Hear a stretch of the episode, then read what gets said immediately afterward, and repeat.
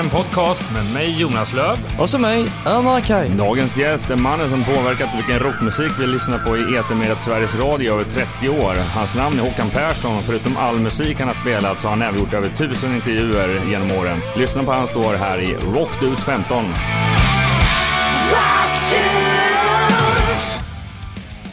Välkommen till Rockdus 15 och dagens gäst är radioprataren Håkan Persson. Håkan Persson har jobbat med musik på Sveriges Radio i över 30 år. Det program vi kanske känner honom mest för är P3 Rock. Han har med sin fingertoppskänsla spelat den rockmusiken han tycker vi borde gilla absolut bäst. Hans program har såklart blandats av musiklistor och intervjuer där han har träffat all, de allra flesta av de största banden. Han har genom åren skapat sig en trogen lyssnarbas där många av dem följer honom oavsett om det är ett nytt program eller ett nytt format. Hör alla hans stories här i Rockdudes 15. Men först ska vi prata lite om Rockdudes 15s sponsorer som är bland annat företaget SE Electronics som tillverkar mikrofoner i världsklass. Vi är såklart både stolta och glada över att kunna använda deras mikrofoner från och med nu där modellen är X1 USB. En riktigt bra mikrofon och enkel att koppla in i sin dator då den just använder befintlig USB-teknik. Rockdudes huvudsponsor är J-Leaf IT och Media AB. J-Leaf IT och Media är ett bolag som har IT-konsulter med stor kompetens inom Microsoft infrastruktur och meddelandesystem. Inom mediadelen av företaget driver man förutom den här podcasten Rockdudes även Sveriges personligaste rockmagasin Rockbladet.se. Det är ett online-magasin som förutom traditionell bevakning även vill skapa mervärde för läsarna i form av personliga krönikor och reportage. Följ deras arbete via rockbladet.se.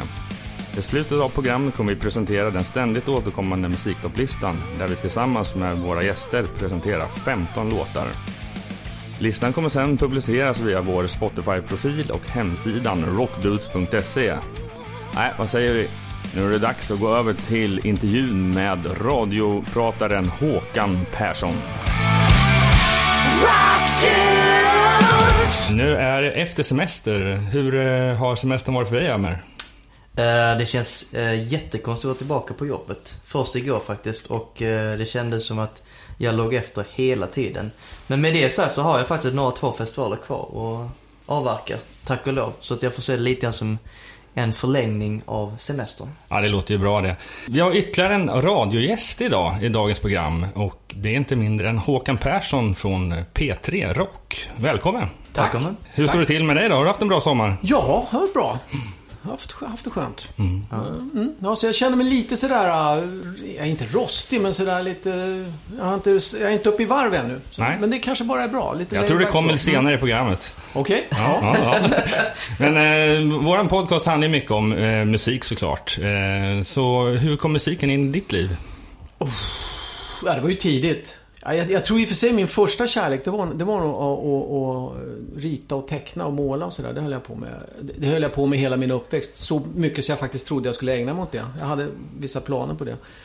Eh, Men sen någon gång eh, undan för undan så tog ju musiken över. Eh, Men alltså sådär rent aktivt då var jag nog en 7-8 år Okej. och började lyssna på musik mer aktivt. Och det var ju, det var ju Beatles helt enkelt. Och sen så tog jag det vidare därifrån. Man, man lyssnade och det som då var min... Jag menar, jag hade ju inga pengar då liksom. Tog mig... Ja, det som blev mitt fönster mot världen musikaliskt, det var ju radion. Så att jag lyssnade på radio. Jag lyssnade på det som då var P3, som inte riktigt är vad P3 är nu naturligtvis. Men fanns det riktiga bra musikprogram då? Det fanns en del. Ja, men det, alltså det är ju som, som det oftast är. Det är små öar, man hittar sina favoriter. Och, ja, alltså det var ju, det var ju ja, Lennart Wretlind till exempel som gjorde sån här... Han bodde i USA och skickade över, vad jag har förstått i efterhand, då, inspelade band därifrån och spelade upp musiken. Som då var ny och spännande som bara gick rätt in. Och så han, han har ju varit en man som jag har följt då. Hette de inte Popogram tror jag? De för det första. Eller om de ens hette någonting, jag vet inte.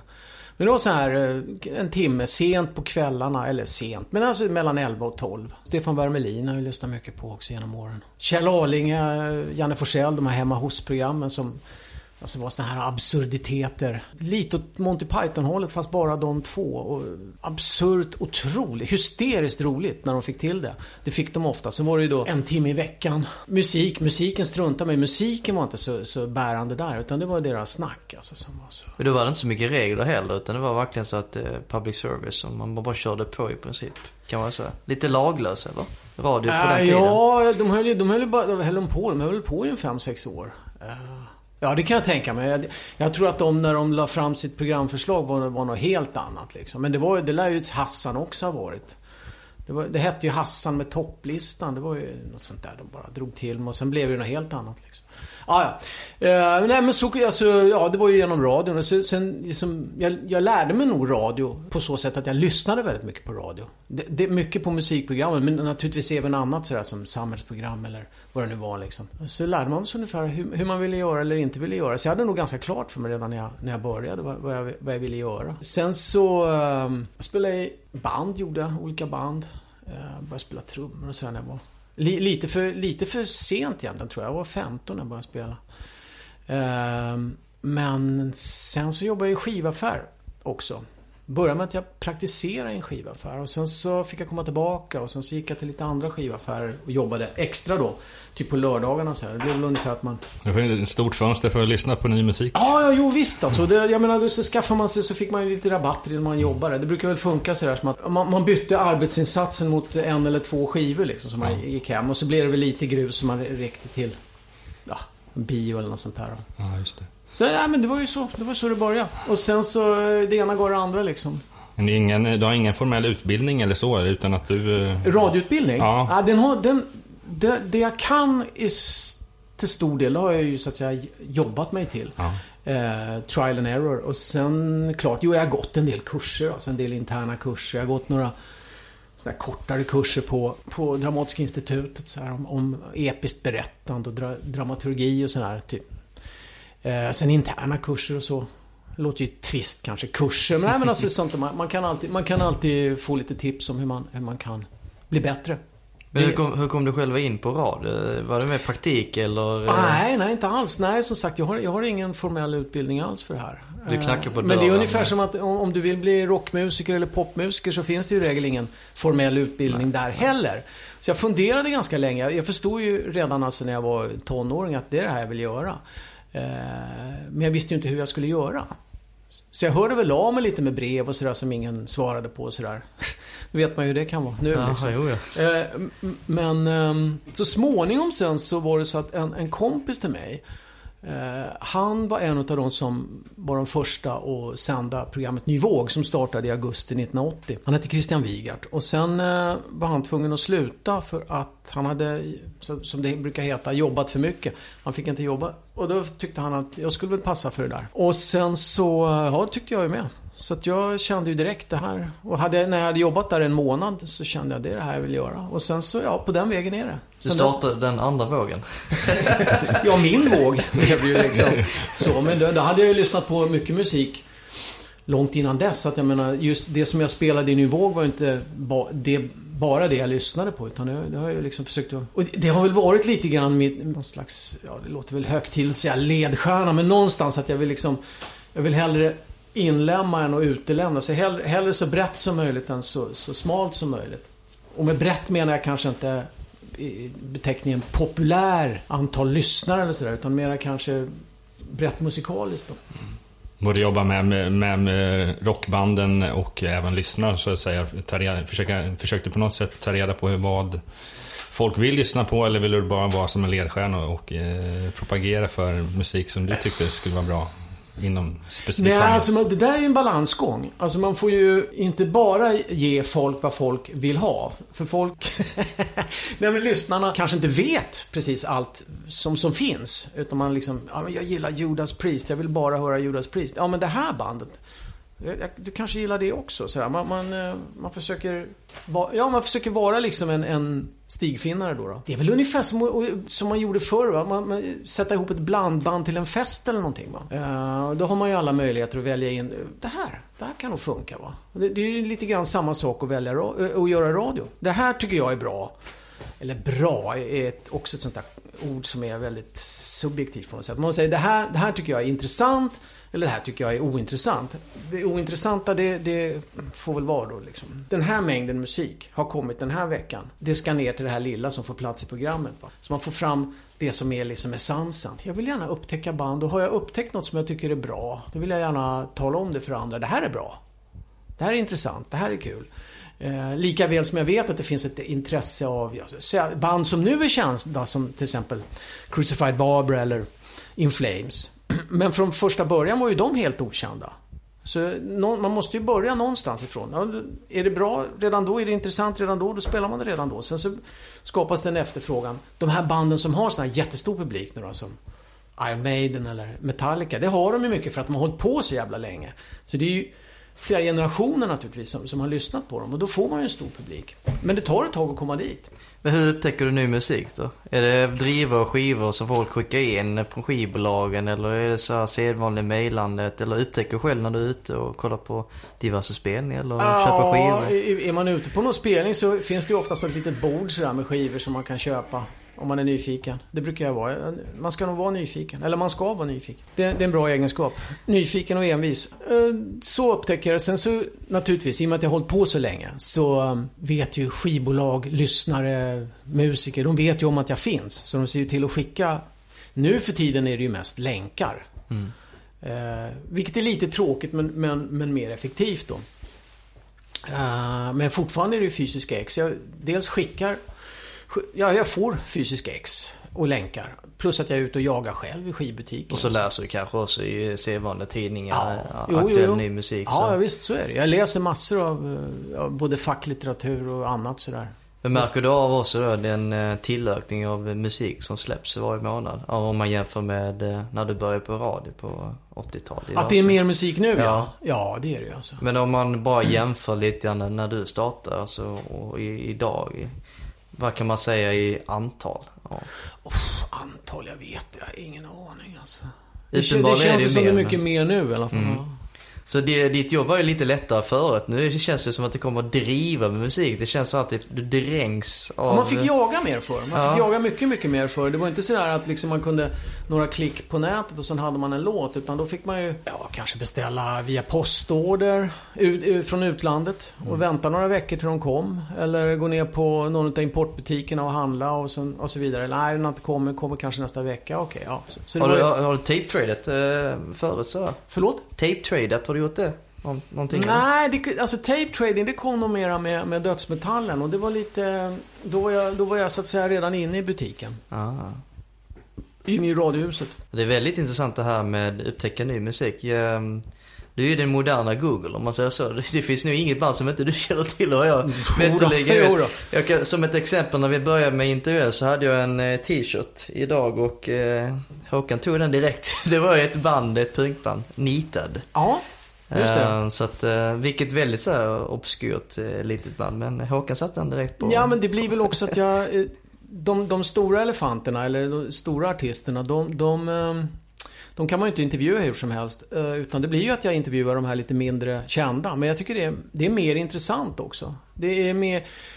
Ju mindre band, ju lättare är de att komma i kontakt med ju oftast ju lättare är de att prata med och det finns inte en massa mellanhänder som ställer en massa konstiga villkor och nu får du 20 minuter och är du klar. Du tänker alltså, på managers och skivbolag och ja, diverse som ställer jo, till. Jo, jo, jo, Ja, precis. Alltså det, när, när det blir för många mellanhänder och det, det... Ja. Det krävs större sensationer också. Jag jobbar ju själv med mm. tidningsformatet så att mm. säga. Men ska man intervjua ett större band och, och, för att det ska vara intressant för läsarna, även att de oftast läser det mesta, så det, det krävs nästan sensationer som du ska få fram ifrån en större band jämfört med ett mindre band som du får presentera helt på ditt eget sätt. Jag vet inte om du upplever det lite på samma sätt? Du menar att, att uh, någon... Uh, Om du intervjuar till exempel, ja, bara för att dra ytterligheten, Att någon Metallica, kommer ut som nekrofil eller vadå? Ja, men jag menar, eller nyheter överhuvudtaget. Det kan ju vara saker och ting som inte har kommit fram och det behöver inte vara något skvaller utifrån det. Utan att det kan ju vara ren fakta som inte har kommit fram i något tidigare format. Större banden är ju ganska liten risk. Att, ja, jo, jo, jo, nej. Nej, nej, precis. Eh, det har du rätt i. Visst, eh, är, det ett eh, relativt okänt band så är ju det mesta nytt då. då. Men, men jag, är, jag är mest intresserad av, alltså om jag vill intervjua ett band så är det för att jag vill veta mer om. Och då försöker man väl få till en så, ja, så som vi sitter här nu och har mera som ett samtal. Och om man då ska pressa in det på en kvart, 20 minuter så är det lite svårare. Men samtidigt förstår jag ja, till exempel det svenska skivbolagets representants roll här då. Att de- de har liksom, de får hit, säg Tom Araya från Slayer. Och då vill ju alla i bemärkelsen alla som, är, som har någonting med hårdrock att göra och skriver om hårdrock prata med honom. Och då blir det ju naturligtvis mindre tid för var och en. Men han har du är intervjuat eller? Ja, det jag flera gånger. Ja. Ja. Men jag tog honom som ett exempel på, ja, det, det var ju det var nu här i somras, i början på juni någon gång. Eller maj var det väl tror jag. Mm. En återkommande figur som du Ja, han är ju mysig. Han är ju, han är ju trevlig att prata med. Han är väldigt lätt att prata med, det, det är sådär. Mm. Ja, de är aktuella med en ny platta nu som jag har till mm. några Repentless, ja. Det låter, som, det låter som Slayer. Du gillar det, eller? Ja, det gör jag ju. Det gör jag ju absolut. Visst gör jag det. Eh, jag gillar Slayer. Ja, och de har ju hållit på så, så länge att låta som Slayer så att man, man vet väl vad man får ungefär. Det är ju bara så. olika nyanser av det. Ja, det är ju det va. Olika nyanser av rött. Ja, ja precis. Ja, det är det. Säga. Men hur är det att intervjua en sån person då? Alltså vad pratar man om förutom musiken? Finns det någonting man snurrar sig in sig på? Det Nej, jag- alltså jag, jag, försöker nog, jag försöker nog mest, mest prata om musiken. Eh, och f- försöka få snarare alltså dem att berätta om musiken. Va- varför och vad och vad innehåller det här och, och så. Försöka nysta lite i det. Vem de är tillsammans med eller hur deras privatliv eller sådär. Det, det, det, är ointressant för mig. Jag, jag är inte intresserad av det. Kan ha varit någon skivbolagsrepresentant och sagt att det här får vi absolut inte prata om. Det har väl, det har väl hänt. Eh, men det, då är det i regel sånt som jag ändå inte är intresserad av att prata om. För det, är då är det i regel sånt som rör privatlivet och jag, jag är inte intresserad av det. Om de nu inte själva vill prata om det, för då är, då är det väl angeläget för dem. Annars så bryr mig inte om sånt. Men om man går tillbaka lite till det här med Ja. ny, eh, på ny musik. Eh, Jag lite, I och med att det var ett mindre sortiment förr Mm. och du själv eh, drogs för att du är så nyfiken och eh, verkligen eh, ja, går ut på stan och letar Mm. och, och hela den biten. När man, idag blir man ju formidabelt nästan dränkt med musik digitalt så att säga med länkar och sånt. Mm. Hur känner du att balansen är? Att, kan du fortfarande vara lika nyfiken? Trots att du får sån eh, mängd. För det finns ju risk för att du missar någonting som du kanske tycker är bra. Ja, men det, det kanske man gör då. Men jag menar, det, jag, jag, jag, existerar ju inte i ett vakuum. Det finns ju gott om folk i media, andra tidningar, bloggar och sådär som man kan läsa. Och jag menar, skulle man missa något så får man väl en... Jaha, ja, men det där ska jag kolla upp. Ja, det, är- det är ju så. Jag, jag kan ju inte själv... Alltså man, man är, jag är ju inte ensam här i världen så att säga. Så det, det funkar väl. Eh, men jag har ju lärt mig, och det tror jag de flesta som har hållit på ett tag känner att man hör ganska snabbt om det här är intressant eller inte. Man behöver inte lyssna speciellt många sekunder eller minuter på, på, på en låt för att höra att det här har något speciellt eller det här, jaha, jaha liksom. Och då, då, det som inte har någonting, det släpper man och det har jag ju glömt ögonblick. Alltså där har jag ju minne som en guldfisk. Det har jag ju glömt sekunden efter liksom. Men det som är bra, det är ju det som fastnar och det är, en- det är enda möjligheten att hålla det i huvudet liksom. Vad är det som fastnar? Har du någon favoritband som ständigt återkommer eller det- genremässigt det, det, det, det är nog inte ett, ett särskilt band, utan det är det man hör. Och Då, går- då går man på vissa... Det, det, rockmusik, metal, är ju mycket soundet. Hur, hur låter det? Hur är framförandet? Hur är liksom känslan? Jävlar anamma liksom. Just den där... Det där, det är, svårt, det är svårt att peka på vad det är. Men några har det, några har det inte. Och några har det just i det här tillfället men inte vid nästa. Va? Så att ett band kan göra en jätte... Punken var ett bra exempel på, på ett band som liksom kunde få till en singel som var kanon. Och sen hittar de aldrig dit igen. Va? Eh, och det kanske var ett band som bara gjorde den singeln. Så att Sen, sen finns det ju flera som över tid håller, håller, håller stil och klass liksom, som, som Slayer till exempel. Då. Men eh, det vet man ju någonstans att Slayer är ju... Kommer en ny Slayer-platta så, så borgar den för en viss kvalitet. Men, men det roliga är ju att hitta de här som kanske bara gör något enstaka. Och det, det, är svårt att, det är svårt att säga för det, det glömmer jag ju bort hela tiden. Liksom. Finns det någonting nu på rak arm som du kan tipsa lyssnarna här? Aktuell ny musik så här som du Oh, upptäckte? men, men när det här sänds då är, då är det... Då är det över redan. Då är det kanske redan över va? Då är, då är inte det nytt utan då är det något annat. Ja, sådär. men vet vi kan väl försöka se om vi kan hitta till. Ja, ja, ja. Men det, det, det är svårt att sitta och... Det är det, va? Ja, ja, det är ungefär som, ungefär som att eh, introtävlingar, jag är helt värdelös på Det är det, va? Ja, ja. Ja, det är, kämpigt det där. Alltså, numera finns det ju Spotify-listor och allt möjligt. Är Aktuell ny musik som man upptäcker. Allting går ju så snabbt också. Så att eh, informationen finns ju där. Det är bara att ta till sig det. Jag till exempel... Samtidigt, är- förlåt. nej, förlåt. Nej, nej, nej, men eh, som ett exempel eh, Spotify eh, som är väl ganska konkurrenter till public service. eh, Ja, vi har ju egna Spotify-listor. Jag har flera stycken. En, en, en Spotify-lista som plockar upp allt jag spelar vartefter. Eh, för i år till exempel. Den ligger uppe. Nu, nu finns ju inte allting på Spotify men, men eh, Mikael Cederberg han ser till att, att uppdatera dem där. Så den, den listan finns. Den heter väl Rock 2015.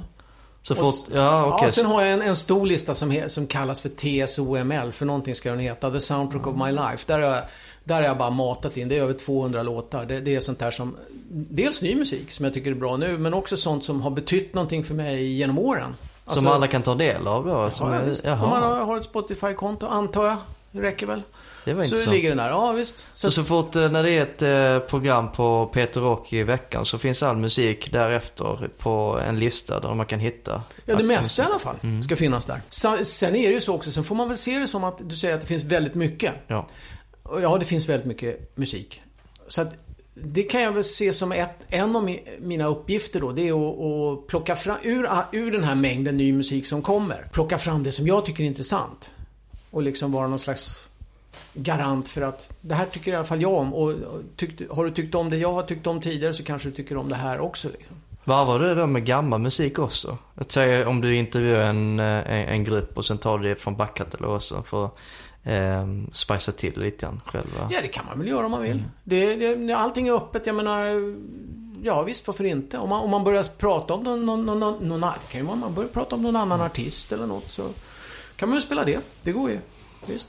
Om vi går igenom lite av... eh, Du har gjort rätt mycket olika program med åren. Vad var det första programmet? Var det här med eh, Ny Det- våg? Ny våg, ja det var det första jag gjorde. Eh, och så man kan väl säga då att, att i stort sett allt jag har gjort sedan dess, i, det är i Olika format bara av rockmusik? Ja, det, det är egentligen samma sak så att säga. Det, det, jag, har- jag har presenterat, jag, jag har plockat fram och presenterat ny eller gammal rockmusik och företrädesvis ny, okänd rockmusik och, presenterat den. Eh, och har jag då tyckt att den där artisten verkar intressant, då tar vi och pratar med dem om de har lust med det. Och sen så är det det som, ja, det första var ju Ny Våg då. Det var, det, började, jag började jobba i maj 81 med det. Och det höll väl på något år eller två. Och sen har det varit olika program genom åren. Jag, jag, jag har till och med gjort det som då hette att vara melodiradioproducent. Eh, nu heter det väl musikläggare.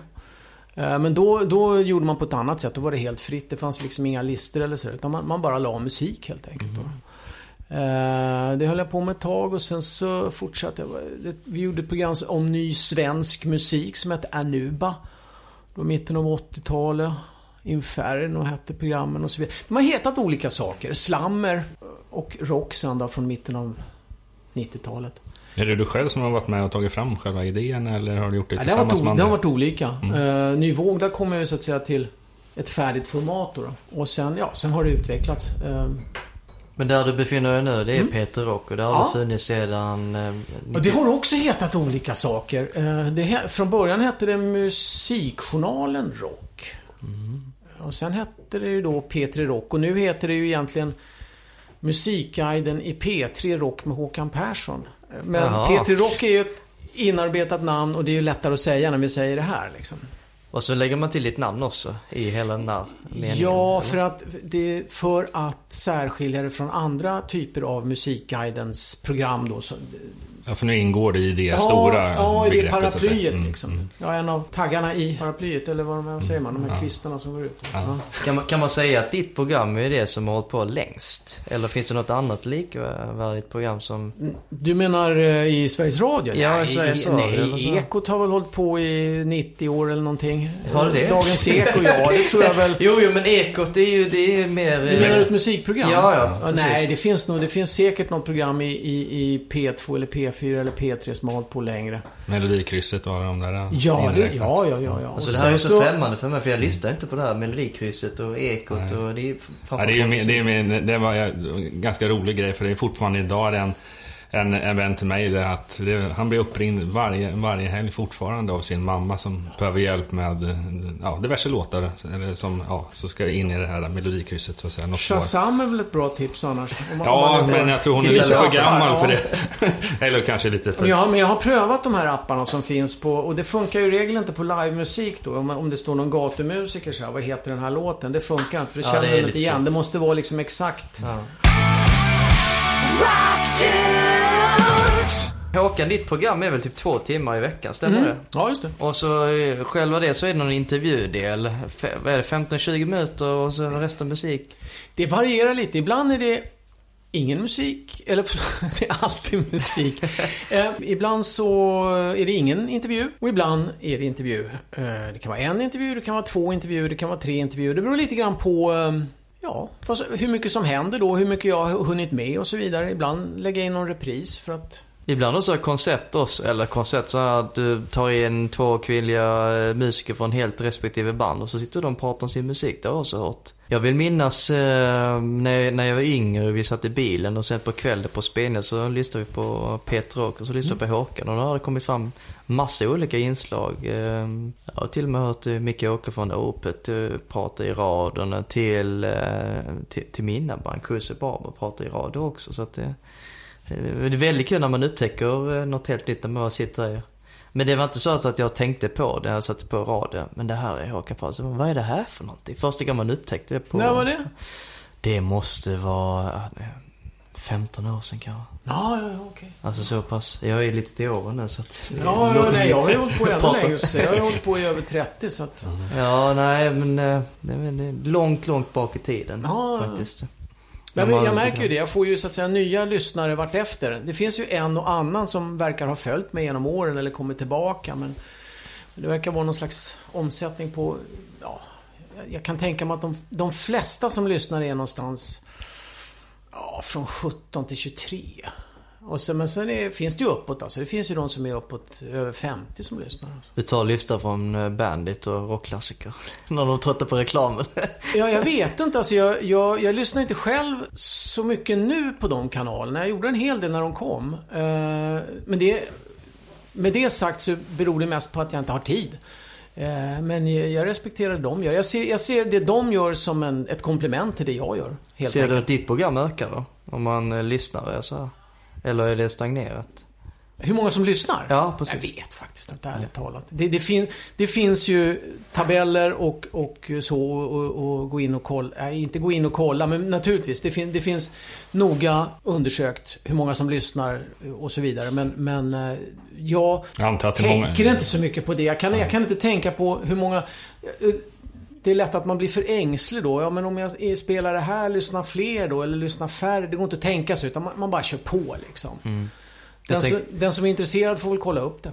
Jag tänkte mest på att om det var så att du, om du känner att du får lite eh, tid på etern, att du vill förlänga det. Så här. Nej, jag tror, jag tror att det är bra att ha det som det är. För att om jag ska...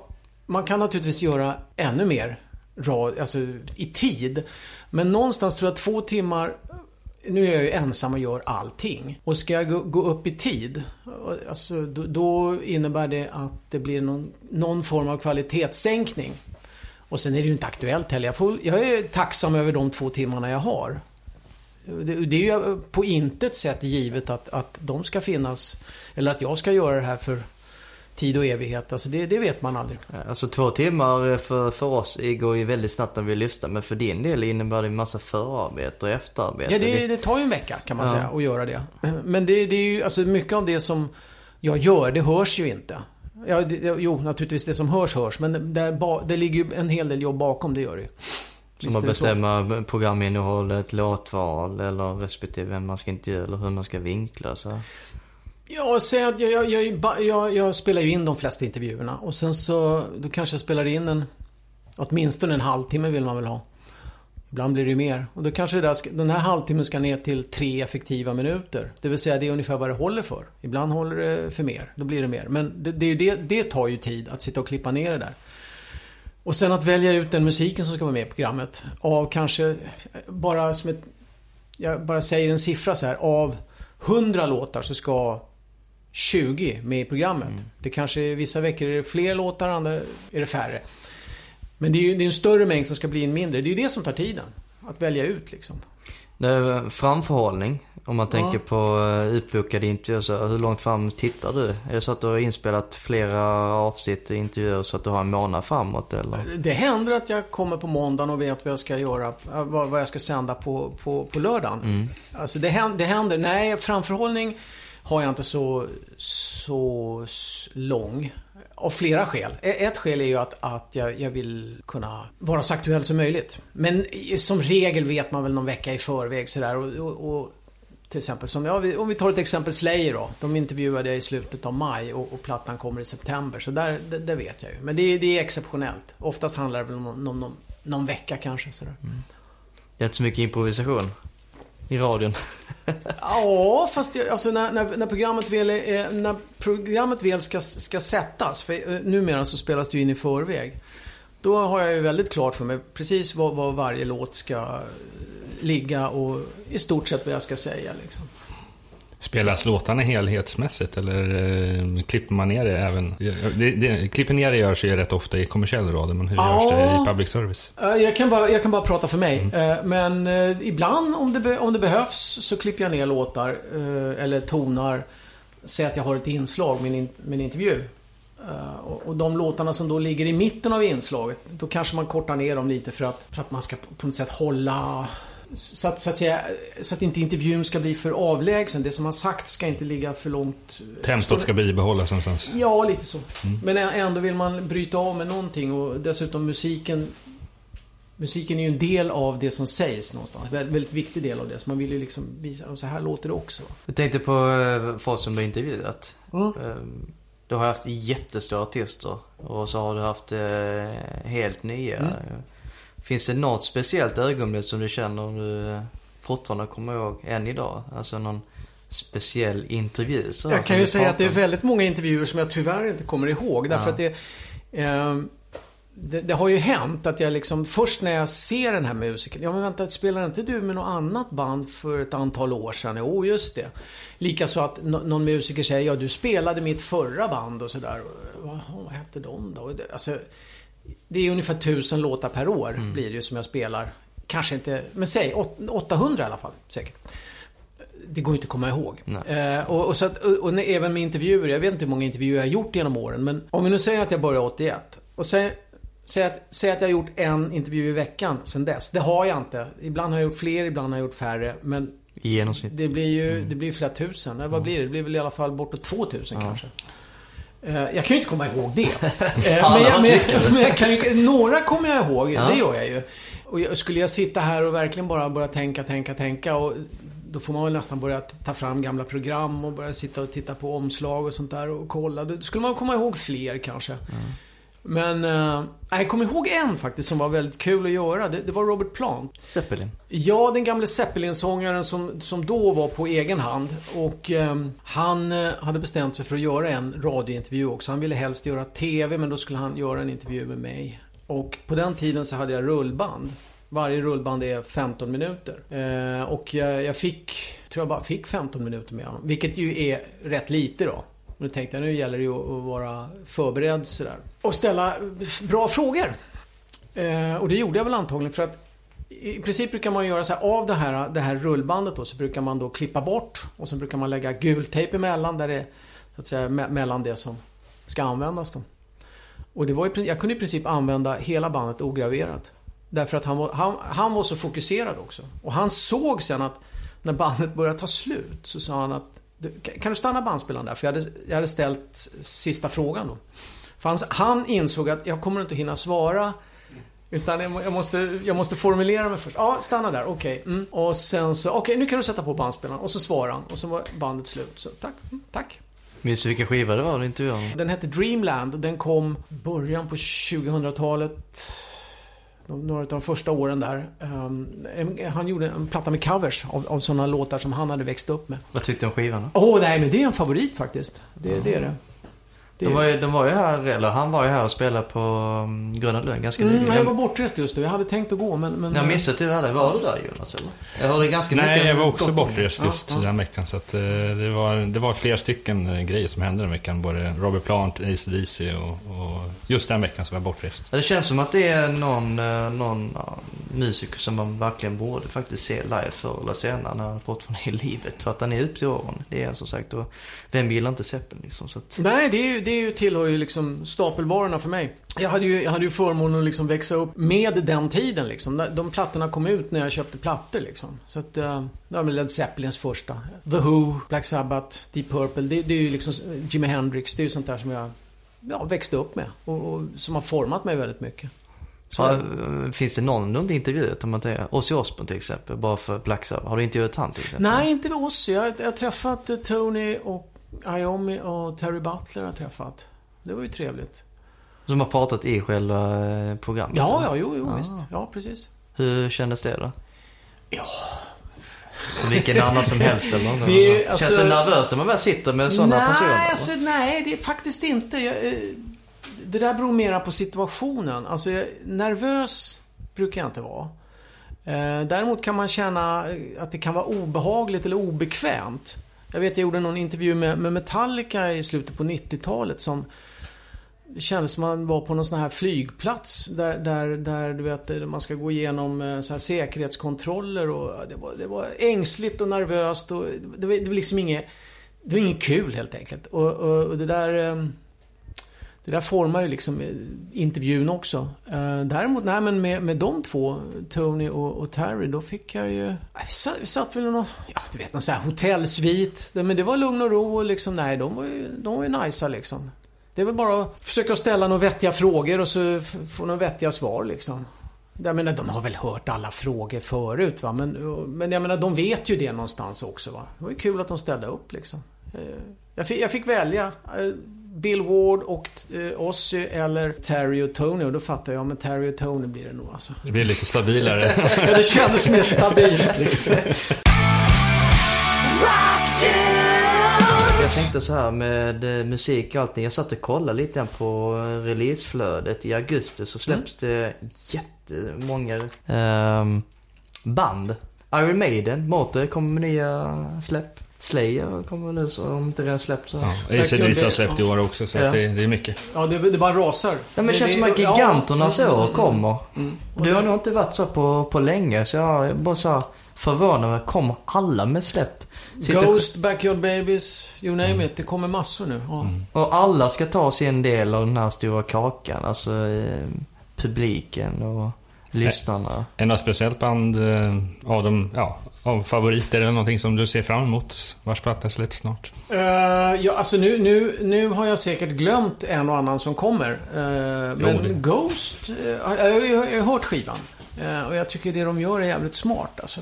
Har du intervjuat dem? Eh, nej, det är ingen idé liksom. För att de är eh, så hemliga eller? Ja, eh, ja, jag kommer ihåg att jag fick ett erbjudande i, i, i, inför första plattan att göra någon intervju och det var en massa förbehåll om ditten och datten och åka på någon hemlig plats och de skulle ha någon speciell mikrofon. Och Nej, nej, nej, men jag jobbar inte så liksom. Jag gör intervjuer. Det, alltså såna här mediaspektakel, det, det, får ni, det får ni vända er någon annanstans. Det finns säkert de som vill göra det. Och det fanns det ju. Eh, men, men jag känner, nej. Alltså redan på den tiden de släppte första plattan, när det var inte lika stor eh, tryck på dem, så kom de redan med massa... Jo men det måste, alltså ska man vara hemlig måste man ju vara konsekvent och det har de ju varit. Sen eh, nu har ju det där avdramatiserats lite känns det som eftersom de flesta vet någonstans vilka de är men de är inte några eh, från början kända personer. Man kan väl säga att Jobbar man som Ghost så gör man det ju lite svårare för sig i och med att man liksom måste vara hemlig hela tiden då. Å andra sidan så blir man nu så stora som de har blivit också. Eh, så kan man ju bara ta av sig sminket så är man en helt vanlig Det, är, människa. li- det är lite som Slipknot var också. Det, Ja, eller Kiss eller vad Ja. du vill va. Alice Cooper kan ju vara Vincent Furnier till Mm. exempel. Han, som han är pri privat. Det är ju det är ju ett smart sätt. Eller så kan man, så kan man göra som Maiden och ha, ha Eddie på omslaget. Så slipper man visa upp sig själv med alla rynkor och sådär på omslaget. Och det, det är också en idé. Ehm, men, men Ghost, ja, det, jag tycker det de gör är jävligt smart alltså. Och jag, det är verkligen med glimten i ögat. Jag tycker det är roligt som fan alltså. Det känns lite som att de är rätt i tid nu också. Folk Ja. har verkligen eh, velat ha ett sånt här band Mm. mm. bak i det. Sen hela den här mystiken också spelar sin del. Men framförallt musiken som är A och i det här fallet. Är otroligt bra musik. Ja, Alltså jag har ju lyssnat på den eh, DE-plattan och det känns som att de breddar sig ytterligare. Man hör fortfarande inte Ghost så att, eh, Du har också hört den? ja. Ja. mm. Där ska man vara jävligt stolt över svensk faktiskt också. Att vi lyckas ändå få till de här banden. Som ändå sticker ut. Om man jämför med andra länder så, här, så har, känns det ändå inom hårdrock här i Sverige att varje band har sitt unika sound. Jag kan nämna flera band som, där man direkt hör att, men det är ju det här bandet. Det här är ju det här är In Flames. Det här är Opet. Det här är eh, The Haunter som kör sin grej. Alltså, alla har sin identitet. Vilket är väldigt eh, lustigt med tanke på att det känns som att det är svårt att återfinna hjulet alla gånger.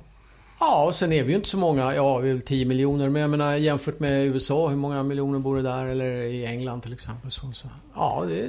Men det känns som att... Imponerande. eh, Är det enklare att slå igenom här i Sverige, även att det inte är enkelt? Men Ja. är det så du menar? Eller? Nej, men alltså om du, om du tittar på de här banden som du, som du nämnde nu då. Eh, hårdrocksgräddan eller metalgräddan, mm. vad jag ska kalla dem för. Det är ju internationella stora namn alltså. De är ju, det är ju stora artister. Eh, in- inte bara här. De är kanske till och med större utomlands än vad de är här. Det beror väl på hur man, hur man kikar, men eller hur? Det är ganska vanligt för svenska band ändå att de måste utomlands först, bli stora där och sen komma hem igen. In Flames och... ju- Vi kallar det influence-effekten. Ja, du kan ju ta dem som ett exempel bara. Det är ett jättebra exempel som vi har pratat för föregående. Att, Men eh, de fick ju jobba länge innan de, innan Ja. de blev stora. De hade det ju jävligt motigt i början alltså.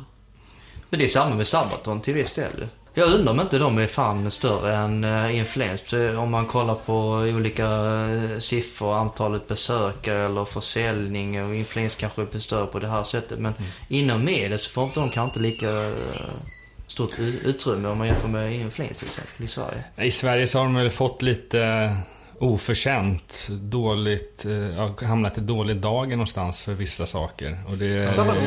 ja, alltså den här kopplingen med, med eh, kanske någon rasism, rasistkoppling och sådana där saker. Eller Sverigedemokratisk Du menar att det är svenska flaggan och det är... Ja, det, det, det, det, det är det som har skrivits om i Ja. Mm. publikmedia, det vill säga större tidningar, så har sådana artiklar kommit upp. Och, det, och för människor som inte har en aning om vad det är de spelar eh, för musik, och sen, då kanske de skapar sig en förutfattad mening om Mm. det. Det är, det är saker som ja, vissa personer i bandet har, har nämnt och de är ganska trötta på att prata om det, för det är inte alls det det handlar om. Nej, Eh, men... Eh, nej, det är känsligt här hemma. Det kanske inte är på samma sätt utomlands. Nej, inte. tror inte jag riktigt man har angripit. Där, där har eh, folk förstått vad det är, hela deras grej är. Hela det krigstemat och, och allt vad det innebär. Så att där har de nog mer sett deras show och deras material. Och då... Tyskland är ju ett bra exempel på land som de är otroligt stora i. De Mm. headlinade nyligen i Wacken, bland annat, ena dagen. Ja, de har ju en egen eh, ölfestival där de headliner också i Tyskland. Fick jag reda på ganska nyligen. Eh, bara- Har Sabaton en egen ölfestival? Ja, en, festi- en ölfestival där de headliner i någon liten ort i Tyskland tydligen. det känns som att man eh, har hört det mesta men så kommer de med en ny grej. Vilket är ganska ja, häftigt faktiskt. Att vi har ett sånt band som lyckas eh, göra alla möjliga konstiga grejer. Ja, nej, det är många. Man kan ju titta här. Ja, här. Vad har ni här på väggen? Ni har ju Raubtier och Crucified Barbara till exempel. Jag vet Ja, inte om- Raubtier är så stora utomlands. Men Nej, det är ett svenskt Barbara fenomen. är det väl i alla fall. Cruiser Barber går, eh, de är väldigt stora i Frankrike. Det är deras största marknad, hör och häpna. Det är eh, jättekonstigt. Faktiskt. Men du är stort till Cruiser Barber, fan har jag för mig. Eller du jag du gillar dem. Ja. Jag gillar dem. Jag, jag har följt dem och jag tycker att eh, de två första skivorna var väl lite... Var inte så riktigt så intressanta som de blev sen när de började jobba ihop med, med Chips Keesby. Ja, Alltså den som kom innan In the Red. Ja, ja. Den. Det ska jag kunna. Men jag har ju inte jobbat dem först den här plattan. Ja, men de, de, de, de, de två i alla fall. eh, Du har ingen koll på backkatalogen alltså? Tyst. alltså det är dina, dina egna grejer alltså? Ja, allt det här Ja, ja. på väggen är faktiskt det vi jobbar Jaha. med. Ehm, och vi släpper Ja, väldigt ja. mycket på vinyl. Ja, ja. Nu ser jag Jobbar du med öl också? För jag ser att du har några Nej, ölburkar det är mer en, ett intresse. Alltså det, är, ja, det, är, det är sån eh, avkopplande litteratur. Ja, men jag har tre stora intressen. Musik, öl och film. Ja, men det är Ja. väl två, det är väl tre jättebra intressen. Jättebra intresse. De kan kombineras också. Ja, i alla, i alla dess former. Ja. Har, Ja, du, men- har du, vad har du, du berättade om att du målade mycket som litet barn, eller som Ja, barn. det, men det där, att det där släppte helt någonstans i, eh, ja, på gymnasiet. Då, då tog musiken över mycket då alltså. Trummorna, för du spelar i band också. Ja, just det. det. Och sen så även musik, när jag lyssnar på musik, jobbar i skivaffär på helgerna och sånt. Eh, det blir ju mer det. Eh, Så nej, det, det, det kanske man tar upp när man blir gammal. Ja, om du någon gång skulle sluta på radion. Ja, ja, det lär jag väl göra. Det lär jag väl göra. Ta upp trummorna igen, kanske? Ja. När var det spelade sist då? Ett nej, det är, oh, det är över 30 år sedan alltså. Och det, ja, men det, det är sådär, an- det är lite grann så för mig. Det är antingen eller. Uh, alltså jag cykel, jag, jag spelade trummor. eh, Och det gjorde jag jävligt mycket, jävligt intensivt i kanske 15 år. Sen slutade jag med det. Jag cyklade, jag cyklade sådär en 500 mil per år till och från jobbet. Eh, Jesus. Ja, ja för fan. Men sen, för några år sedan tröttnade jag på det. Nej, jag tröttnade. Okej. Och då, då tröttnade jag på det. Men musik, intresset för musik har hållit i sig hela tiden alltså. Det, det, det är någonting med det. Och det, det är ju någonting som hela tiden uppdaterar sig också. Ja, det kommer ju nytt hela ja, tiden. så- Ja, och det är det som gör det så kul. Och man upptäcker, dels finns det nya grejer att upptäcka men så finns det trots allt äldre grejer som man inte kanske har kommit på tidigare och säger men det här var ju bra och sådär. Så det finns hela tiden nå- någonting att upptäcka eller genrer som man kan fördjupa sig i. Ja, precis. Jag jobbar ju mycket med eh, populärmusik, mm. men det som är nytt nu. Men eh, du tar ju även med musik som är av lite äldre. Är det även musik? Ja, det- är, det, det- är det nyfunnen musik även där så att säga? Ja, ofta kan det ju vara så här att om, om- jag hör, hör ett band så kan, kan man ju höra i det bandet saker som Ja men det här låter som det och det som ja, Mycket går ju att relatera till tidiga 70-talet alltså till, till den, den första hårdrocken liksom. Typ Zeppelin och så va.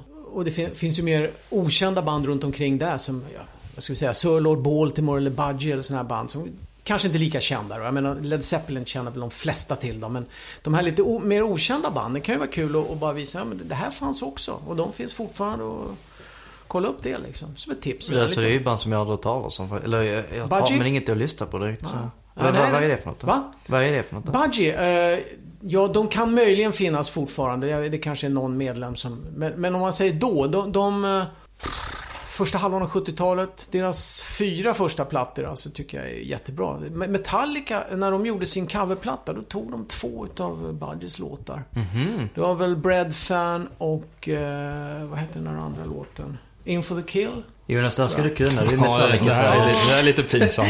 men, eh, Nej, det, var en trio från Wales faktiskt. Eh, sångaren påminner lite på rösten om, om han uh, Geddy Lee eh, i Rush. Alltså inga likheter med Rush i övrigt va, men just det där, lite, lite ljus stämma då.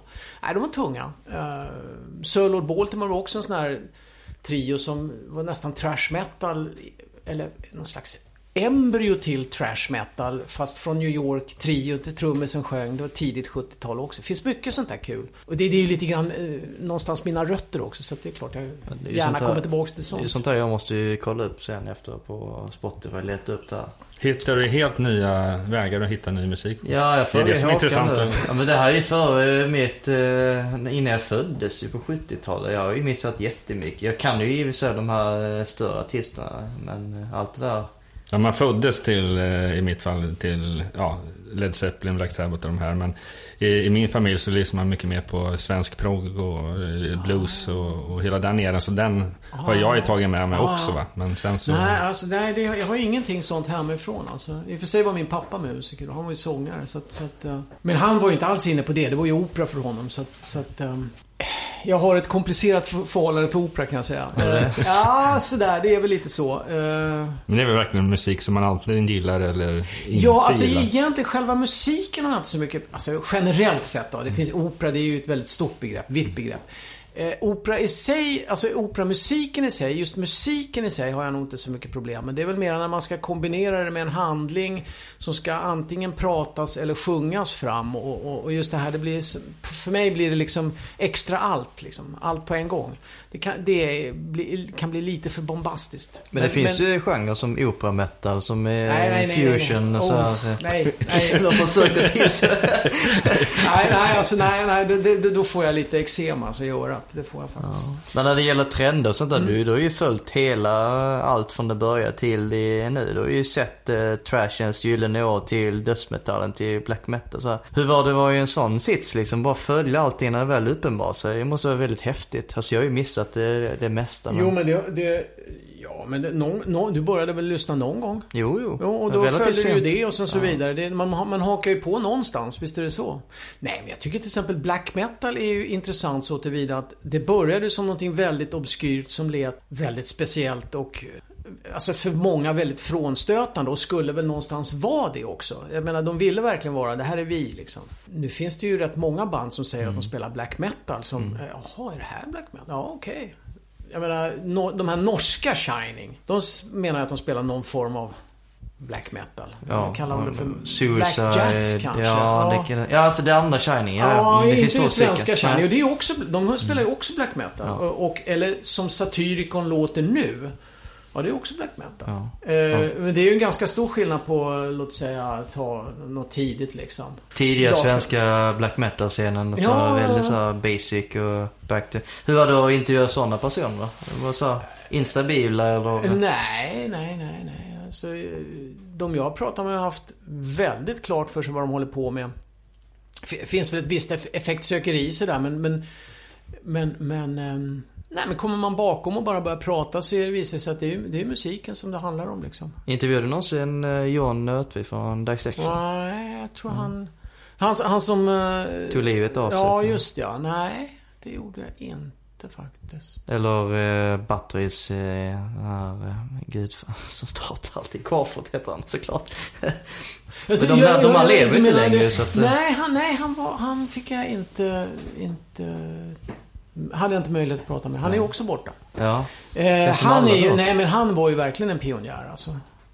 Eh, och ja, just den här, vi pratade om Gula Geten, den Ja, ja. plattan ja, den, den är ju värd pengar nu alltså. Men den finns ju tack och lov på nypress och jag nöjer mig med nypressen. ja, för du har ju väldigt stor eh, samling har jag förstått det som. En vinylsamling. Ja, och, jo, jo. och eh, du får väl en Det hel del också? Jag, jag, jag får en del. Nu är det me- mest länkar kan jag säga. Eh, men jag köper fort, jag går fortfarande och köper skivor. Jag köper rätt mycket skivor faktiskt. Vad är det bästa stället man ska köpa plattor då? Oh, det finns många. Jag säger inga för då, då blir den som jag inte nämner blir, blir, blir, blir ledsen Men- och sådär. Men jag, jag kan säga att jag besöker rätt många butiker. Det finns fortfarande butiker Ja, som det är, är, ja, i alla fall här där, där, där vi sitter nu. fast nischade eh, dock, eller inget så man går in i. Nischade eller hyfsat nischade eller, eller så. Och, och, och olika, olika nischer. Man, man, får, man får plocka... Man får gå, det är kul. Jag tycker om att gå i skibutiker. Jag tycker det är jävligt kul. Det, det ger mig jävligt mycket att stå där och bläddra. Och det är ännu roligare nu när, när vinylen har kommit tillbaka så pass stort så att det fortfarande går att bläddra bland vinyl. Um, och i och med att det finns så mycket nypress. Är jättekul. Alltså, man, behöver inte, man behöver inte liksom lägga ut en förmögenhet på en skiva. Inte för att jag har gjort det. Men, men jag menar, det, vissa skivor kanske man vill ha. Nu, nu finns de faktiskt att få tag i. Man kan få- få det där exet att hålla i. För det är något speciellt. Liksom. Det är något speciellt med vinyl. Alltså. Biografier eller böcker som handlar om musik i någon form. Men även, alltså, även romaner. Så jag läser. Eftersom jag bor en bit utanför stan så sitter man ju liksom på... på Vad är det- läser. Vad är det senaste boktipset då? Det senaste boktipset. Vad fasen var det jag läste ut alldeles nyss? Det var, det var en, jag var i, nu eh, på semestern var jag nere i Gö- Göteborg. Och där på Röska museet så finns det just nu, går hela hösten, en, en eh, kra- kraftverkutställning. Alltså bandet Kraftwerk. Om Kraftwerk och deras estetik och så vidare. Jävligt intressant alltså. Eh, och mm, då var det en, en bok som var utgiven i samband med den. 100 sidor någonting. Det var den jag smällde i med. Olika författare som har skrivit om olika teman liksom. Deras, ja, till exempel om deras typsnitt eller deras, deras eh, förhållande till den tyska historien och så vidare. Så, ja, mycket intressant. Har läst my- eh, mycket biografier. Av, Ja, det är väl en del alltså. Det, det är det väl genom åren, ja. En del är ju bra, alltså är det sådär. Det tar ju rätt mycket tid att läsa en bok. Ja. Så att är, man märker man efter 20 sidor, nej det här var inget bra. Då, då skiter man i det. det. Alltså ämnet är ju mindre viktigt än att det är bra skrivet. Jag menar, jag läser väl hellre en välskriven bok om, ja, vad ska vi hitta på för någonting? PET-flaskans utveckling än en, en, en dålig eh, biografi om ACDC liksom. Men jag läser gärna en bra biografi om ACDC. Även fast jag kanske har läst flera stycken. Liksom. Ja, visst. Men det är lite nö- nörderiet ja, någonstans. jo, jo, jo, det. jo, jo. Ja. Det kan komma upp något nytt här. Eller ja, man vet inte liksom sådär. Alla vinklingar är ju Ja, nya ja, vinklingar ja. också. Ja. Jag sitter och tänker på eh, Kiss-böckerna, Kiss and Makeup och det finns ju några eh, boken om Ace Frehley där är någon som har bara intervjuat eh, alla hans vänner för han kommer inte ihåg någonting under sin karriär. Så att det återberättar tillbaka. Gjorde jag det där? Oj. Mm. Men det är ändå väldigt fascinerande. Men sen är det så här, de har vissa böcker som Neil Strauss eh, som har skrivit eh, Marilyn Manson, eh, en del är ju ganska mycket fiction liksom. Man har påhittat eh, trams för att det ska se Ja men det är bättre. just som du säger där också. Det är, vissa böcker är ju uttalat från personen i fråga själv. Eller ett, ett helt band. I vissa fall så har de ju kanske bara frågat eh, ja, släkt och vänner eller bekanta runt Ja. omkring. Och då får man en helt annan story. Ja, ja, ja. Förmodligen, ja. Det Den behöver ju inte vara auktoriserad för att det kan ju bara Nej. vara bra. Jag menar att, att artisten har gett tillstånd till allt som ska sägas om dem. Det, ja, så vidare. Men, men andra sidan, det här med, det märker jag ju själv nu. Ju, ju, ju längre man håller på och sådär. Att minnet är en eh, bedräglig följeslagare. Alltså. Det är ju inte alltid man minns. Ibland minns man kanske som man vill minnas. Ibland minns man inte alls. Eh, Eller har jag märkt med en del artister som många har intervjuat att de, de, de kopplar på så att säga. Va? Ja, börjar man prata om, eh, säg man pratar med Lemmy, börjar man prata om en viss period, ja då, då, då har han, det här, det här minns han och det här har han sagt och det, det, det, är, sånt, det är sånt man återkommer till. Va? Ja, men det är ju så när man håller på med någonting så mycket, det är som du relaterar till dig själv. Du har Ja. kanske gjort tusen intervjuer eh, totalt. Men jag har, inte, jag har inte blivit intervjuad tusen gånger så Nej. det, här är, det, här är något, det här är något alldeles extra. Den Ja. första podcasten. Ja Kanske. det är det, ja det är det absolut. Men det är lite, lite intressant ändå att vara på andra sidan, för det är man ju inte van med. När man, Nej, jag är verkligen inte van med det. Det, är, det händer inte ofta ska jag säga, Nej. men det är kul.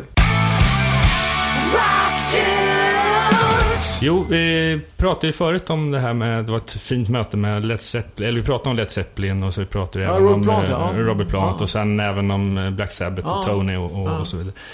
Eh, har du några andra händelser, intervjuer som har varit speciellt minne för dig? Ja, Brian Eno var, var, var, var intressant att träffa just därför att i och med att jag ville göra intervjun så hade han skickat ut en, ja alltså det var en hel jävla lunta med, med, med som, läs igenom det här först. Då talade han om att det här vill inte jag prata om. Eh, därför att det, det, är inte, det är inget kul.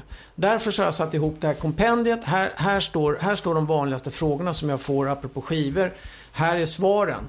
Så fråga inte om det, fråga om något annat. Ja, det blir ju en utmaning. Då måste man fråga om något annat. Så då, då började vi prata om musik som kommunikation och, och sådana saker. Och då kände jag när, när han um, när han berättade det här, det, det, det var liksom som man kände det gav verkligen något. Jag lärde mig något själv liksom. Kul att få en, en, en en annan inblick i musik man, än att man sitter och pratar om olika producenter och sådär. Det är någonting som jag i och för sig inte brukar prata om för jag tycker det är väldigt ointressant. Hur var det att jobba med den och den producenten liksom. Men eh, oftast är det väl roligast då när man får, det var ett långt samtal vi hade. Eh, minst en timme och han ville det också. Han ville att det skulle vara ett långt samtal och inte med de här frågorna utan han ville ha de här oväntade frågorna. Och då blev det väl just det att vi pratade om att hur det är att sitta och prata. Vad, vad, vad kan man prata om? Hur, hur pratar vi här? Och om vi inte pratar, om vi istället försöker kommunicera med musik, hur gör vi då? Om, om musiken inte har några ord, utan det är musiken. Vad säger musiken själv? Vad är ett ljud? Sådana saker. Det, det var intressant. Tog du med dig sådana erfarenheter sen i vidare intervjuer senare? Är det någonting som har, Alltså, just jag- att bli lite mer Ja, det, skärpa det- till det- sig med frågor så att säga? Ja, det får man ju, det får man ju göra. Det är klart att Vissa vill ju nästan ha de här standardfrågorna Ja, också. så är det ju. Så är det ju. Och, och kanske inte kan svara på något annat heller, eller, eller vill. Ehm, jo, bland annat så, så vet jag att jag gjorde något långt specialprogram om just ljud och sound. Soundets betydelse och sen så hade jag plockat in från olika intervjuer och sådär. Bland annat Eno och sen andra artister som pratar Alltså hur viktigt är soundet? För jag menar rockmusik är ju jävligt mycket ett sound va. Sound, arrangemang, låt. Det är inte så mycket annat det är liksom. Men det är nog så viktigt och ibland så är faktiskt soundet viktigare än låten. Och soundet är ju väldigt tidstypiskt. Det var ett visst sound runt 66-67, det var ett annat sound runt 77, ett annat runt 1990. Och det, det, det går att tidsbestämma ganska enkelt. Vad, vad som är tid, tidlöst är ju oftast då akustisk gitarr och en låt liksom.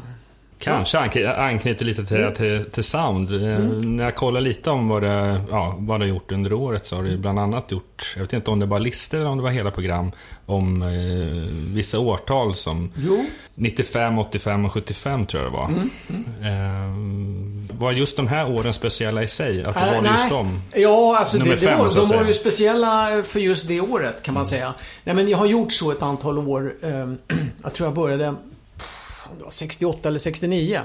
Och 78, 79. Alltså, alltså man går, i det, som i år då, så har jag gått 20 år bakåt, 30 år bakåt, 40 år bakåt. Eh, 50 år bakåt har vi 1965. Då blir det lite tidigt. Då kan man inte fylla ett helt program. Då blir det för eh, långt bort musikaliskt känns det som. Men ett antal låtar kan man ju naturligtvis hitta. Från The Who's första platta som kom till 65 Magiskt, till exempel. Ja, magiskt. där kan man hitta något. Men, men, eh, nej, men just anledningen till att jag valde 75, 85, 95 det är att det var jämna antal bakåt då. Och året innan gjorde jag väl 74, 84, 94 och kanske rent av 2004.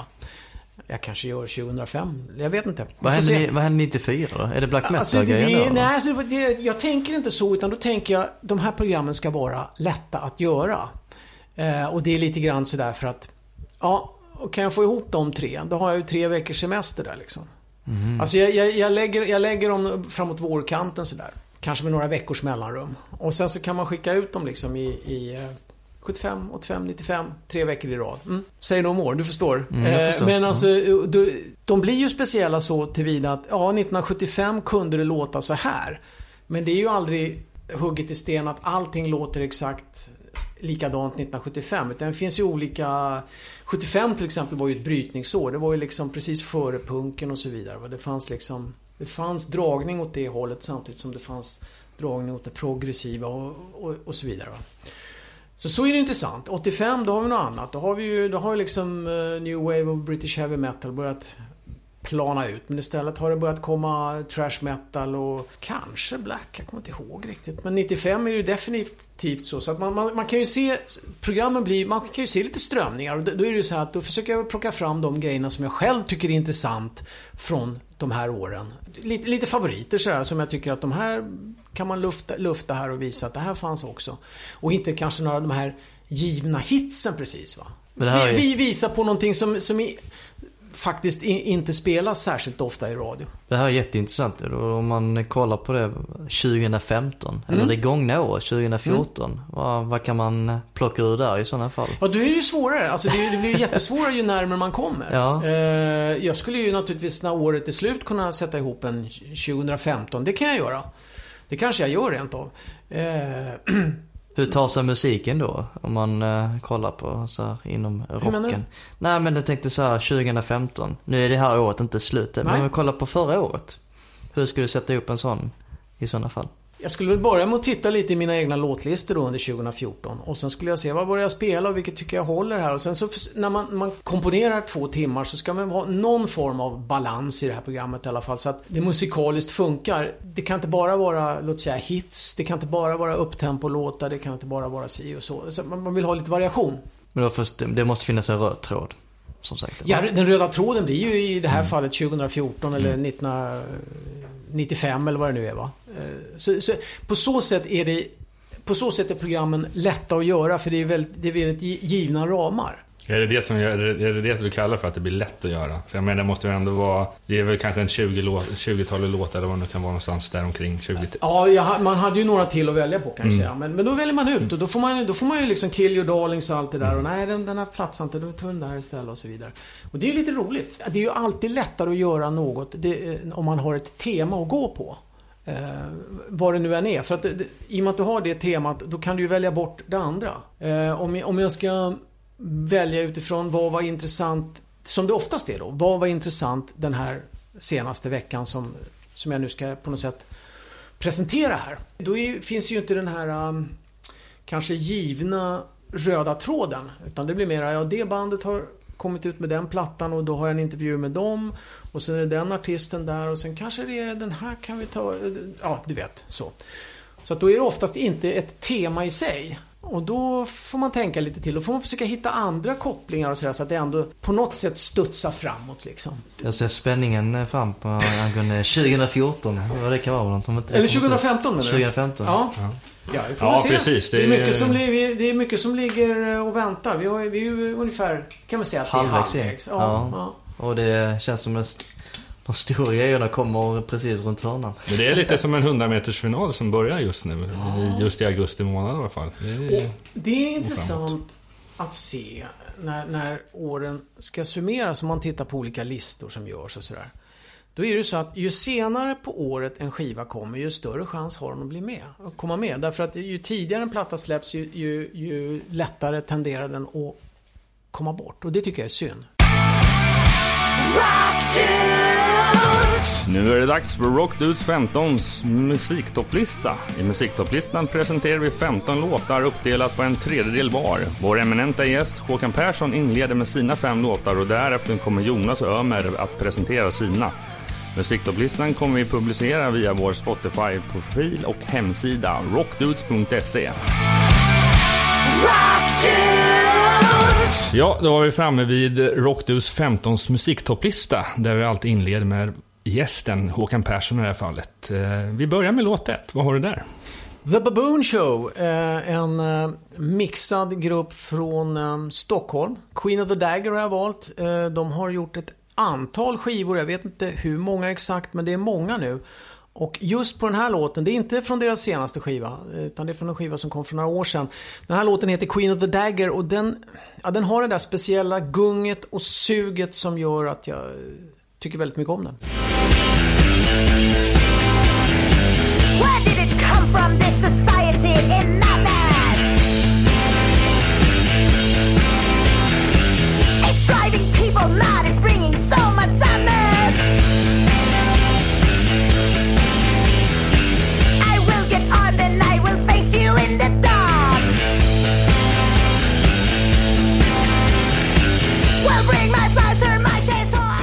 det var The Baboon Show med Queen of the Dagger. Eh, vad har vi eh, för låt nu som nummer två? Det är en låt som har några år på nacken. Den är, ja det, jag tror faktiskt det är tio år sedan den kom. Den heter Rock'n'Roll Freak och då hette det här, den här gruppen We Rock Like Girls Don't. Eh, det är alltså Ross Kearney, Vass Antoniado och eh, basisten hon hette Jen, jag kommer inte ihåg vad hon hette i efternamn. De fick till en sån här riktig stänkare. Den är så fullmatad och komprimerad, det svänger stenhårt. Jag skulle ju kunna tagit någonting av vad de gör nu för tiden. Nu har de bytt namn. De heter De Furieux. De två förbannade. Eh, de är från London. Eh, ursprungligen Ross är från Glasgow från början och Vass är från eh, någonstans i Grekland. Men ja, det här är då alltså We Rock Like Girls Don't.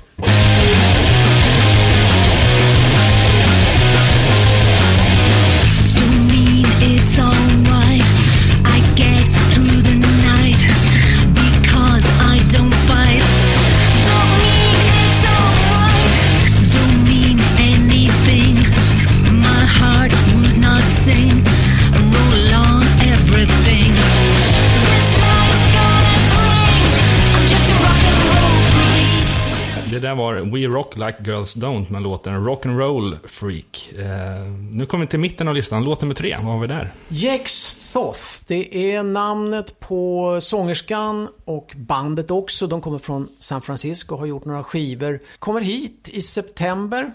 Och det här är från, eh, ja skivan kom här om året. Den här låten heter The Place You Walk.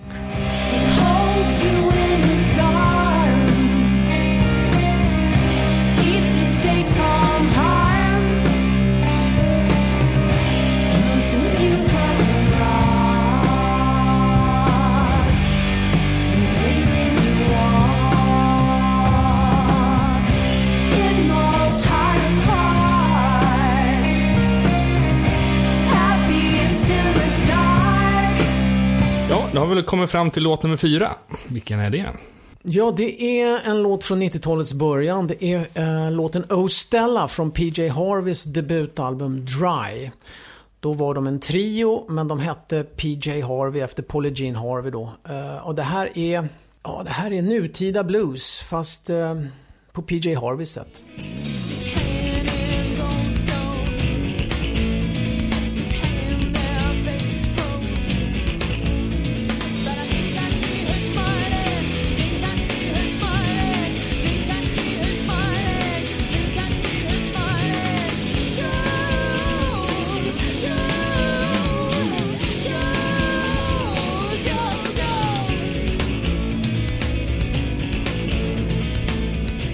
Det där var PJ Harvey med Ostella.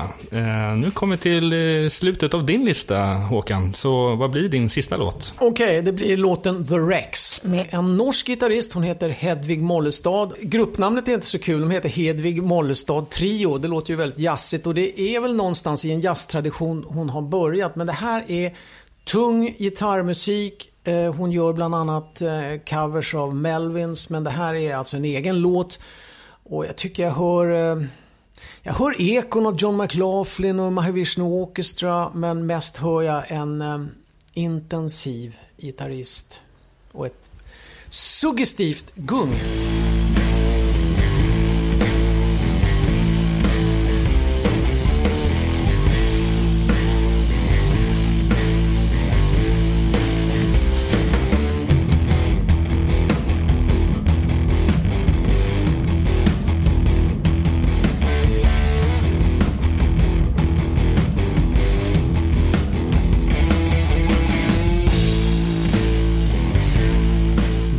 Kommit till Jonas topp 5-låt. Och den första låten är ett amerikanskt band som jag eh, försökte signa back in oldies, men jag fick inte. För att eh, det var ett annat storbolag som kom emellan. Chi fick jag. Men Jonas, du har alltid varit ett fan av det här bandet. Vilka är de? Ja, bandet heter Five Finger Death Punch och eh, idag eh, så kör vi deras senaste singel som heter Jekyll and Hyde. Eh, bandet är alltså från Las Vegas, eh, för att det var mer exakt. Och de spelade bland annat på Sweden Rock tidigare i somras. Det var en riktigt bra spelning sägs det. Jag var inte själv där men den här låten, det är, ja, det är en riktig, eh, har spelats riktigt mycket på eh, olika typer av radiokanaler. Och eh, man kommer känna igen bandet, rakt upp och ner. There's a demon inside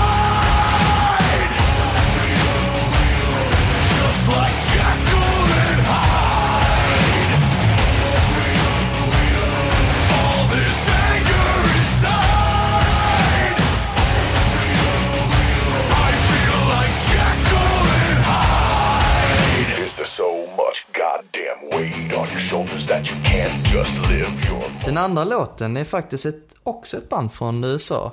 Det här är faktiskt det yngsta bandet som signas till Roadrunners historia. Och jag vet det här för att, eh, inte för att jag hade ett finger i spelet, men jag var delaktig på en hög här när allting eh, uppenbar sig. Och eh, återigen ett band som du Jonas uppenbarligen gillar.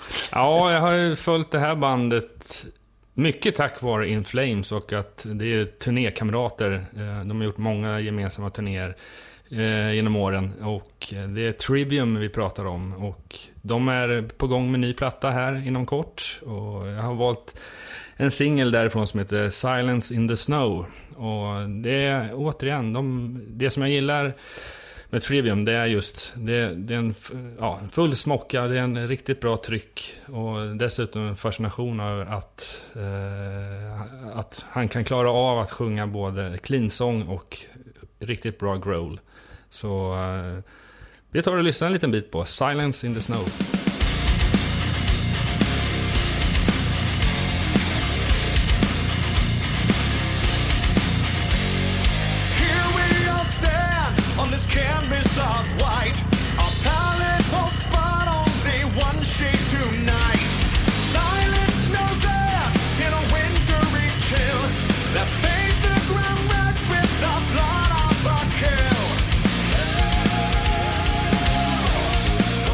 Då har vi kommit till eh, tredje bandet och eh, de är inte amerikaner.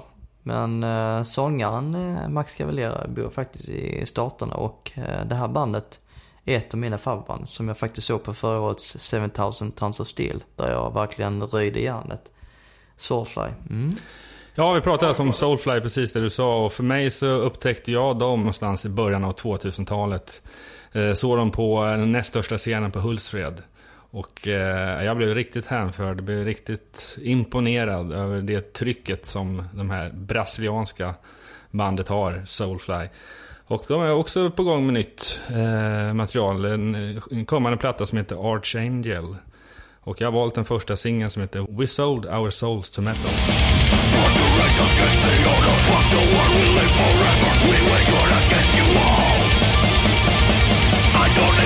Och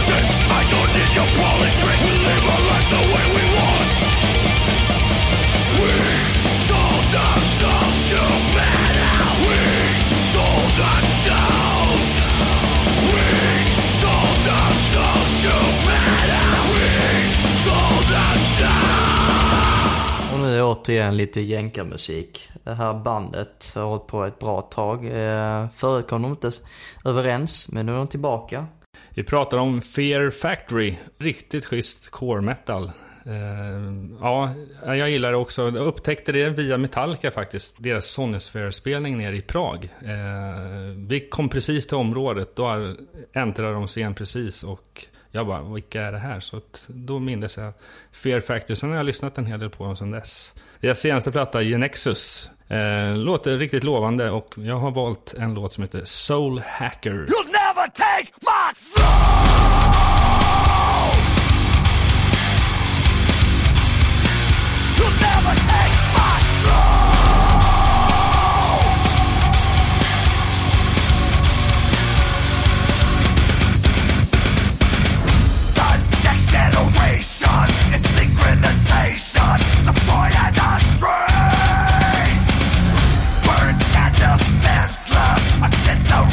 Kommer till lite gubbmusik. Sista låten, ett band som jag absolut inte eh, listar på, men som har hållit på ett bra tag. För övrigt är de jävligt röja, för jag har faktiskt sett dem live. Men personligen, inget jag lyssnar på direkt tyvärr. Nej, jag lyssnar på dem lite till och från hela tiden. Det är, det är Saxon här vi pratar om. Det är en stor inspirationskälla för många hårdrocksband. Eh, och de har gjort mycket genom åren. Eh, de är återigen Eh, på gång med nytt material. Och jag har valt låten Battering Ram.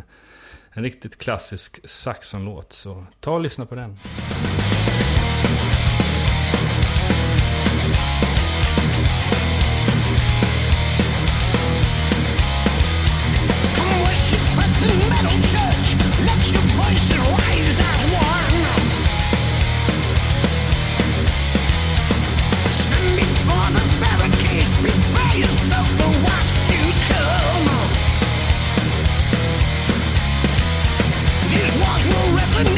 Då har vi kommit fram till Ömers topp 5-lista. Och eh, var börjar vi någonstans? Vi börjar med Lammet. Kristen metal från USA. Lamb of God. Med låten Footprints. Alltså från plattan då med någon konstig jävla grekisk eh, V2, jag har fan ingen aning. V11 Sturm und Drang. Och så står det Deluxe. Jävligt konstig titel på plattan. Men eh, skit i det. Det är en bra låt.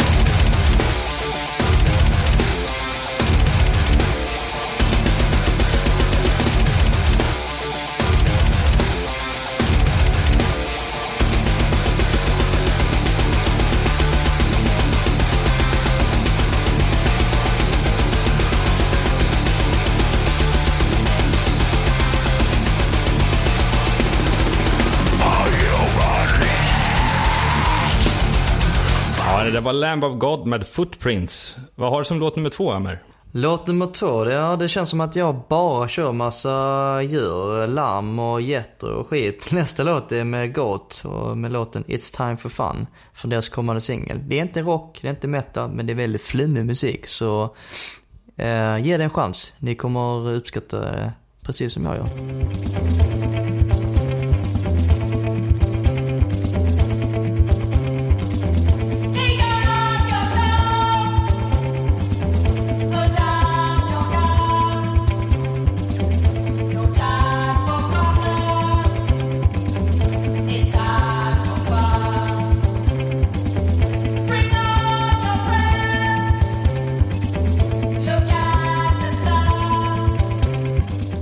Sun. Jätter och lamm. Men jag tror jag överger det konceptet lite nu i alla fall på låt nummer tre.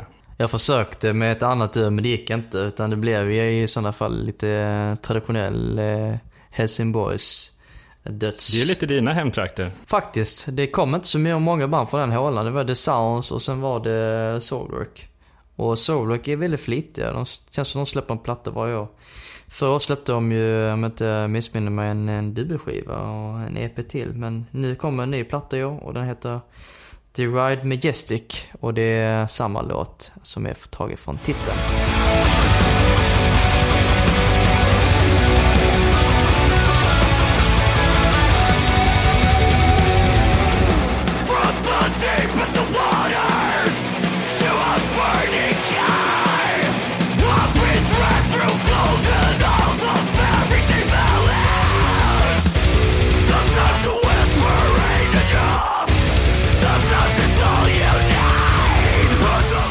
Vi tagit oss igenom eh, halva din lista. Nu är det bara två låtar kvar. Och det är två låtar kvar på hela våran lista. Vad har vi där?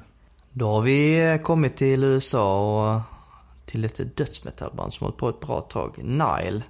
Där det är bara massa texter angående Egypten, farao och krigsand kanske.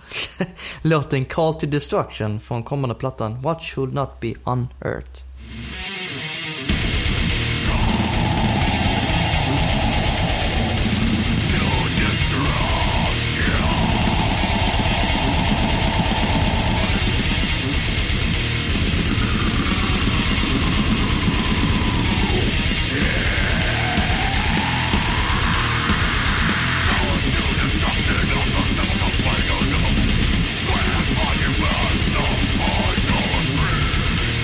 Nu är vi tyvärr i slutet av den här listan och du har ju kommit fram till en låt och ett band som är ganska kommersiellt stora, så att säga. Eh, har inte besökt Sverige vidare många gånger. Jag vet inte ens om de har varit här någon gång. Nej, mig veterligen så vet jag inte. Jag har aldrig sett dem live. Men eh, det här bandet har liksom försvunnit, trodde jag. Men sen kommit tillbaka efter många år. Jag tror det är typ sex eller sju år, någonting sådär. Men det är bara sångaren kvar dock. Eh, han har kickat alla andra, eller de har ju slutat eh, var efter en. Breaking Benjamin är det jag pratar om. Och eh, den här låten, Angels Fall, är från plattan Dark Before Dawn. Eh, väldigt smörig, eh, man skulle vilja säga att det är lite kommersiell rock, men, men jag gillar det här faktiskt. Och jag är en smörig kille, så därav det.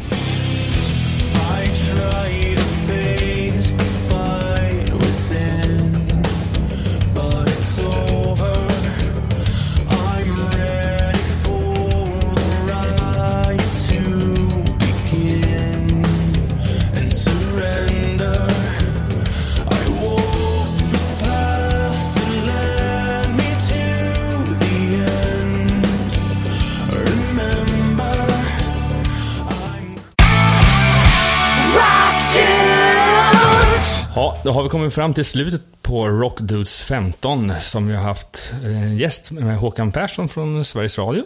Eh, det har varit väldigt trevligt att ha det, där, ha det Det har varit väldigt trevligt att få vara här.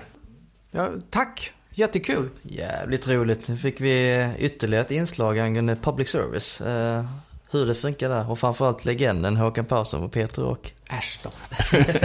Vi tackar så jättemycket. Tack så mycket. Tack själva. Då har nu lyssnat på Rockdus 15 som den här gången gästades av radioprataren Håkan Persson.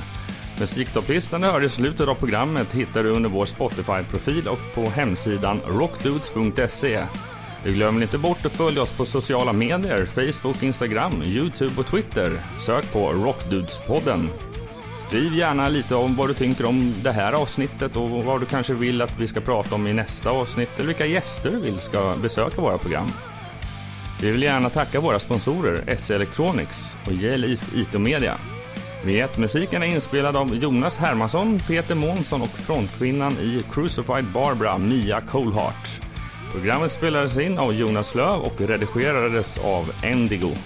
Vi vill tacka just dig och er för att ni har lyssnat på Rockdus 15 med mig Jonas Löv och sidekicken Ömer Akai. Nästa avsnitt, Rockdus 16, kommer vi ha en gäst som jobbat i branschen sedan mitten av 70-talet. Hans namn är Janne Lunkan Lundqvist. Han jobbade i många år i skivbolagsbranschen men under de senaste tio åren har han jobbat med att utveckla andra människor som vill lyckas i musikbranschen men även unga företagare, entreprenörer där all hans erfarenhet kommer en till riktigt mycket nytta. Rockdut 16 kommer att släppas den 16 oktober och fram tills dess, ha det riktigt king. Rock on! Rock.